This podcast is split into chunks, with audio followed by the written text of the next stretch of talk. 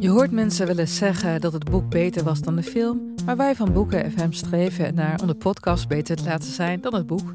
Wij lezen de klassiekers die je nog niet gelezen hebt. We lezen de boeken die je heel graag wil lezen, maar waar je eigenlijk voor schaamt om in het publiek mee gezien te worden.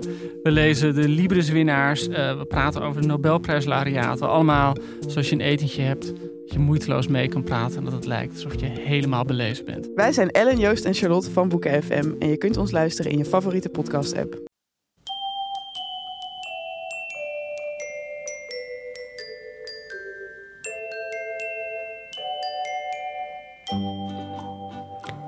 Welkom bij aflevering 131 van de podcast van Echt Gebeurd. Bij Echt Gebeurd vertellen mensen waar gebeurde verhalen op een podium en die verhalen hebben ze zelf meegemaakt.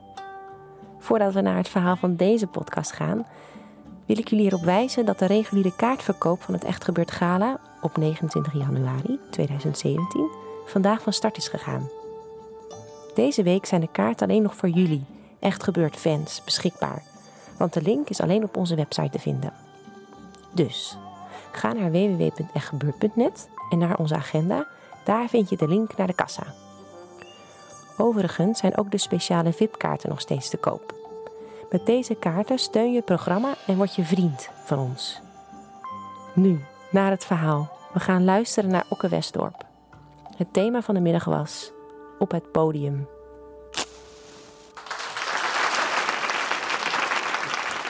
Toen ik vijf was, wilde ik heel graag Berdien Stemberg worden. En dat wilde ik niet zomaar worden, want Berdien Stemberg had toen een tv-programma. Ik heb het nooit echt kunnen achterhalen. Volgens mij samen met Jaap van Zweden. En dat heette iets van de toverfluit. En het was, iets, het was vrij schimmig en uh, iets met woonboten. Maar het maakte enorme indruk op mij, want zij was muzikant. En Jaap van Zweden was muzikant. En toen ik iets meer begrip kreeg van seksenverschillen... toen ruilde ik Berdien Stemberg worden in voor Jaap van Zweden worden. En omdat het, uh, het vioolklasje in de plaatselijke muziekschool niet van start ging, um, uh, ja, moest ik door de zure appel heen bijten die iedereen kent. En die zure appel noemen we blokfluit. En ondanks de blokfluitlessen wilde ik nog steeds muzikant worden. En dat, dat, dat resulteerde erin dat ik bij de harmonie in ons dorp iedere woensdagavond een uur lang ging kijken met mijn moeder of mijn vader naar de repetitie. Ik had een grote pet op met muzieknoten. En uh, ja, dat vond ik toen heel leuk. En um, ik luisterde naar die repetitie en het was, dat, nu weet ik dat dat niet de beste harmonie van de wereld is. Of misschien van Nederland, of misschien ook niet van dat dorp. Maar dat waren fantastische, magische avonden waar ik zat te luisteren. En iedere avond hoopte ik dat iemand met een hele belangrijke partij om zou vallen. Um, want dan zou ik gevraagd worden om die partij in te vullen. En, hoe ik het zou doen, wist ik niet. Maar ik, ik, zou die partij spelen op miraculeuze wijze mooier dan iemand hem ooit gehoord had. Nou, dat gebeurde niet. Uh, maar twee jaar later kwam het verlossende telefoontje. Er was een instrumentvrij, een hoorn. Ik had geen idee wat het was. Uh, de week daarop kreeg ik de hoorn in mijn handen geduwd en begon de les. En in één woord, ik vond het fantastisch. Ik ging samenspelen uh, met mensen in een, in een, in een jeugdorkestje. Uh, iedere week de lessen. Als ik mijn leraar hoorde spelen, dacht ik... als ik op een dag ooit zo kan spelen, dan ben ik een heel gelukkig mens. En uh, nou, natuurlijk waren er wat strubbelingen over het studeren. Dat is altijd lastig. Uh, mijn ouders vonden dat ik 20 minuten per dag moest studeren. Dat vond ik niet. Dus ik nam mijzelf op vijf minuten met zo'n oud bandapparaatje. En dan kon ik daarna een kwartier lang de Donald Duck lezen... door dat drie keer af te spelen.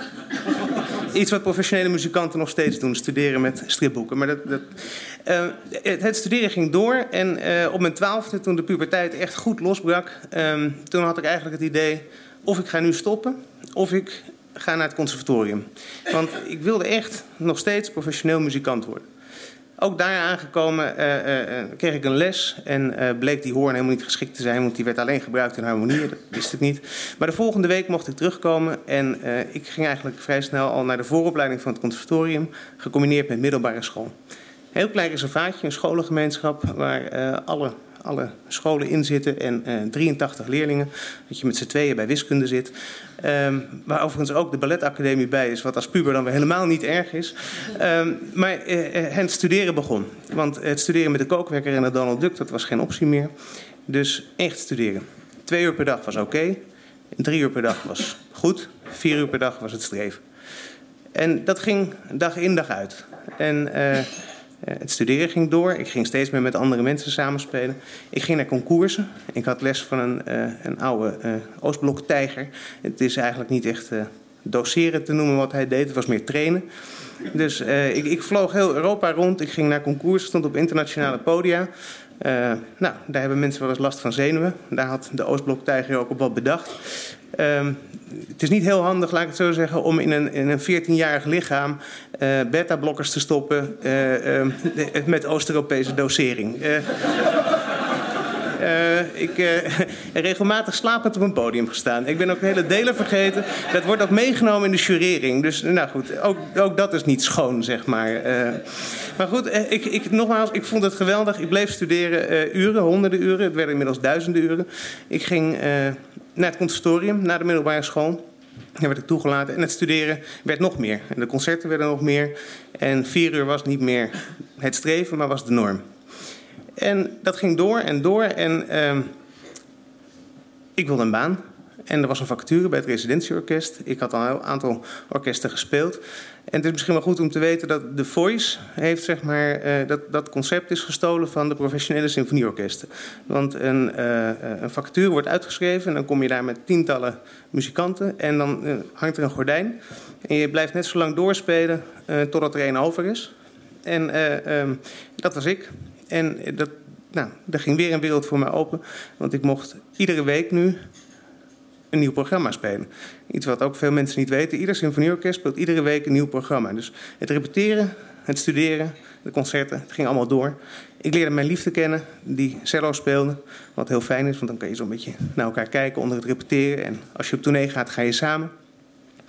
En uh, nou, je, wordt, je wordt bedreven, je gaat, je gaat meer dingen doen. Je, je, studeert nog steeds veel en je leert dat die lippen heel gevoelig zijn. Want als je, als je naar de Canarische eilanden op tournee gaat, culturele sectors heel zwaar leven. Dan, dan lig je smiddags in het zwembad en dan merk je dat chloor, dat doet ook wel wat met je lippen. Maar ook vliegtuigen doen wat met je lippen. En uh, uh, droge hotelkamers. Dus als je de hotelkamer binnenkomt, dan ga je meteen glazen water over de vloer gooien. En um, terwijl mijn carrière in volle gang was en, en druk aan het spelen, op een avond um, zit ik met een, een, bestuurtje waar ik in had gezeten van een inmiddels geliquideerde stichting.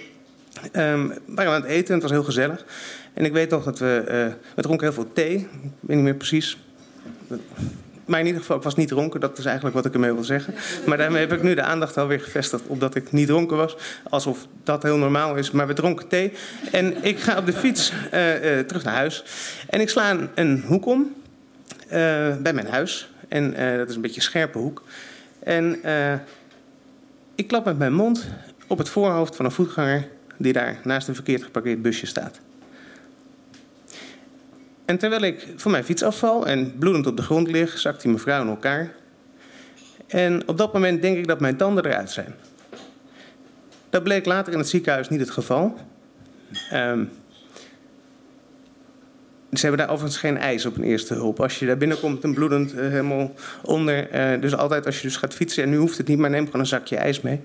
Inmiddels was de adrenaline heel erg in mijn lichaam ingekikt. Uh, dus ik, ik, vroeg dan waar de heren doktoren hun whisky dan mee dronken. Nou, dat vinden ze ook al niet leuk om één uur s'nachts. Maar ehm, die mevrouw had alleen een klein wondje in haar voorhoofd. ja, een sneetje. Daar zijn het snijtanden voor. En ehm, ik, ik zat daar met bloed en um, ik dacht, dit is niet goed. En dat bleek ook niet goed te zijn. De volgende ochtend werd ik wakker en zag ik eruit als Angelina Jolie. En uh, dan kan je je afvragen van als je eerst Bernie Stemberg wil worden en je ziet er daarna uit als Angelina Jolie, is het heel erg wat er dan gebeurd is? Nou, uh, niet echt fijn. En dat sneetje in mijn lip ging niet over. En, en, en er kwam een littekentje. En heel snel eigenlijk wist ik dat het voorbij was. En ook vandaag kan ik geen hoorn meer spelen. Ik heb 18.000 studieuren, duizend repetities, bijna duizend concerten. En toen hield het op. Dat is bijna twee jaar geleden. En uh, nou, daarna ging het eigenlijk vrij snel. Gaat toch iets positief eindigen. Uh, ik werd vrij snel directeur van een festival. En nu ben ik sponsorwerver voor het residentieorkest. En dit verhaal helpt altijd heel erg voor sponsoring. Als je, ja, als je, als je bij een grote financiële instelling komt, dan zit je heel vaak, eh, ik weet niet waarom, maar sponsormanagers zijn vaak vrouwen. En dan, dan begin ik eerst het algemeen verhaal over het belang van een symfonieorkest. Dat is heel belangrijk, want dat hebben we nodig, dat verbindt. Dat, En dan heel toevallig kom je op commerciëlere producten en dan laat ik altijd vallen, ja, dat is een, leuk product. Heb ik, heb ik ook wel eens gespeeld. En dan zie je vrouw, goh, gespeeld, hoezo? En dan vertel ik dit verhaal en dan is het altijd heel mooi als vrouwen dan beginnen... Nee! nou, dan is het de taak om het weer heel langzaam op sponsoring te brengen. En dan heb je toch een mooie gaan. Een wat pragmatische aanpak misschien, maar je moet er wel iets aan hebben. Bij mannen doe ik dat altijd anders. Dan zeg je altijd, nou, de baken snel verzet. Uh, oh, gaat wel weer. En dat vinden ze dan ook heel fijn. Dus, dat, dus het is zoeken. Maar... Um, in ieder geval, ik ga nu met heel veel plezier naar mijn werk. Ik vind het heel fijn om uit te leggen waarom ik denk dat een symfonieorkest en symfonische muziek belangrijk is.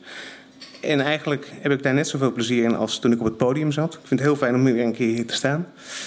Um, en als er dan toch een moraal zou kunnen zijn, misschien wel. Er zijn mensen die zeggen: als je één talent hebt, heb je talent voor alles. Dat weet ik niet. Maar ik denk wel dat als je een passie hebt, dan heb je het vermogen om passie te hebben. En dan is het niet zo heel erg als er één keer eentje verdwijnt. Want dan komt er altijd wel weer een nieuwe. Dank.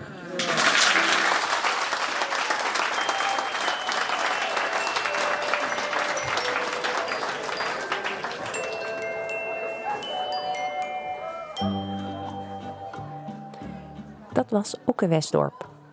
Echt gebeurd wordt iedere derde zondag van de maand opgenomen in Toomler, onder het Hilton Hotel in Amsterdam.